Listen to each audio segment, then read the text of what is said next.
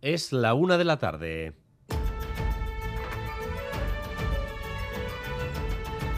Crónica de Euskadi con Dani Álvarez.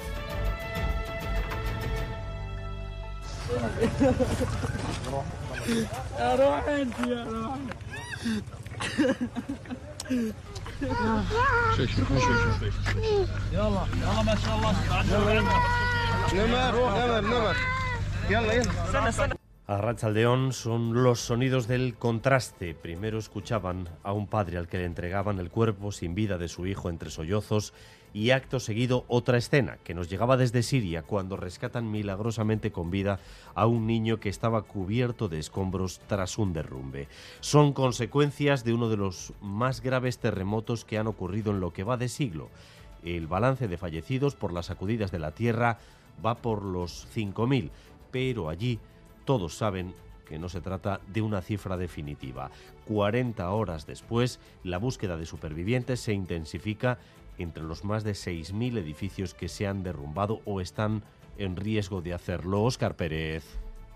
Es una lucha contra el reloj. Se sabía que a partir de las 72 horas las posibilidades de rescatar con vida a personas atrapadas bajo los escombros comienzan a disminuir de forma radical y se siguen produciendo milagros. En la localidad de Hatay los equipos de rescate turcos han conseguido sacar con vida esta mañana a una madre y a su bebé de seis meses. Habían pasado casi 30 horas atrapados entre los restos de su vivienda. El balance de víctimas supera ya los 5.000 fallecidos, 3.400 de ellos se han producido en suelo turco, 1.600 en Siria, repartidos a partes iguales en la zona controlada por el régimen y por la oposición. Esas son las cifras oficiales de momento, pero se sabe que las víctimas van a ser muchas más porque hay cientos o tal vez miles aún bajo los escombros. Primero, salvar todas las vidas que se pueda, luego ya se verá cómo y cuándo se reconstruye la zona devastada para que esta gente pueda tener de nuevo un hogar. Enviado especial a la zona, Miquel Ayestarán, a Rachaldeón.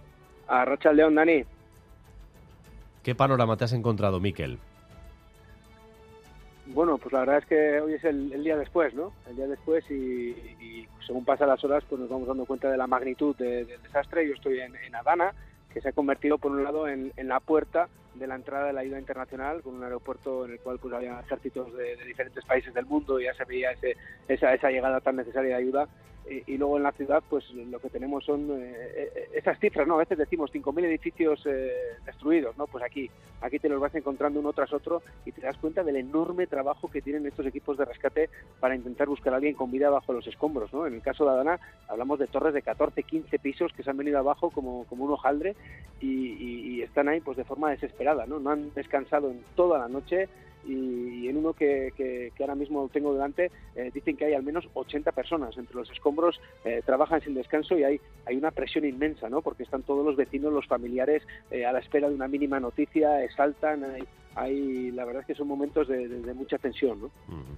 Enseguida volvemos contigo, Miquel, para tratar de recabar más datos, más información, más imágenes de esa zona devastada. Está en la ciudad de eh, Adana, como decía, en la puerta de entrada también de la ayuda internacional. Los testigos hablan de una tragedia de grandes dimensiones inimaginable en algunos casos, así nos lo ha contado el exjugador del Alavés Borja Sainz, que juega en la Liga Turca, y también sobre el terreno el presidente de Médicos del Mundo Turquía, Hakim Bilin. Compañeros de, trabajo, de, oficio, al final ves que, que, están desaparecidos y al final pues se te queda, se te queda mal cuerpo porque al final no, no te esperas lo que, lo que ha sucedido. Que llega la, la ayuda y lo, el rescate porque pues con, con los edificios que han colapsado tenemos muy poco tiempo para realmente eh, salvar vidas.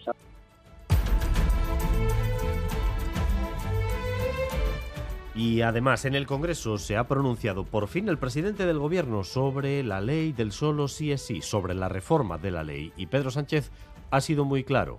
Hay un problema y hay que arreglarlo.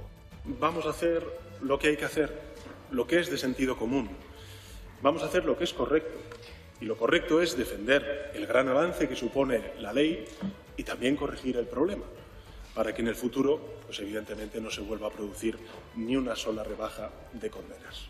Veremos si ahora que ha hablado el presidente del gobierno, nadie habla detrás, porque justo antes todos los que hablaban se enmendaban o se matizaban o directamente se contradecían. Incluso dentro de los mismos partidos. Por ejemplo, Podemos, a una no le parece que hay que tocar la ley, a otra que el texto del PSOE está bien.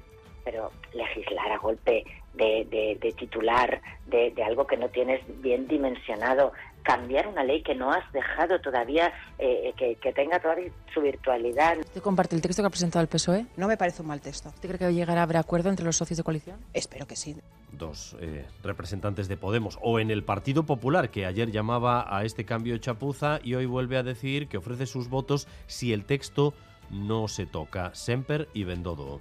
Porque están demasiado preocupados en el daño que les hace políticamente esta chapuza y no tan preocupados en resolver los problemas de esta chapuza. Que efectivamente hay copia literal en algunos párrafos de la propuesta que hizo ya el Partido Popular. Eh, hace unos meses, ¿no? Ha ofrecido los votos del Partido Popular para cambiar la ley, siempre y cuando no se desvirtúe el texto a través de enmiendas que puede negociar el PSOE otra vez con sus socios de gobierno. La reforma de esta ley, ya lo ven, se ha enredado tanto que ni siquiera dentro de los mismos partidos son todos capaces de decir las mismas cosas. Y aparte, hoy el Centro Cultural Coldo Michelena estrena nueva web y una marca de identidad renovada con el objetivo de facilitar la comunicación con la ciudadanía. Pachi Presa es el director de Coldo Michelena Culturgunea y bueno, estamos verdaderamente contentos con los, con los resultados porque los datos de seguimiento de las actividades son, son por streaming son muy reveladores de que es un, servicio pues verdaderamente apreciado. También se ha implementado nuestra presencia en las redes, en las redes sociales.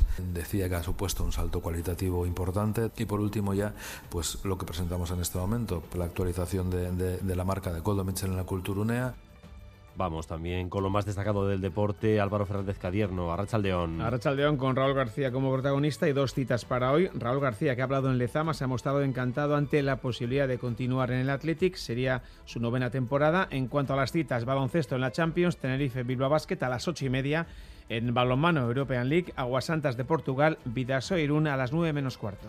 Mucho frío todavía a estas horas, cielos encapotados y de cara a la tarde la nubosidad será más compacta, así que eh, se producirán precipitaciones de carácter débil. La cota de nieve se va a situar en torno a los 600 metros de altura, temperaturas que no alcanzan ni los 10 grados, 8 en Donostia, 7 en Bilbao, 5 en Bayona, 2 grados tan solo en Gasteiz, 4 grados de temperatura en Iruña y como vamos a seguir así, esta próxima medianoche de nuevo el Departamento de Seguridad volverá a activar un aviso amarillo por heladas en el interior. Gracias un día más por elegir Radio Euskadi y Radio Vitoria para informarse. Raúl González y Maitane Bujedo se encargan de la dirección técnica, a Itziber Bilbao de la coordinación. Crónica de Euskadi con Dani Álvarez.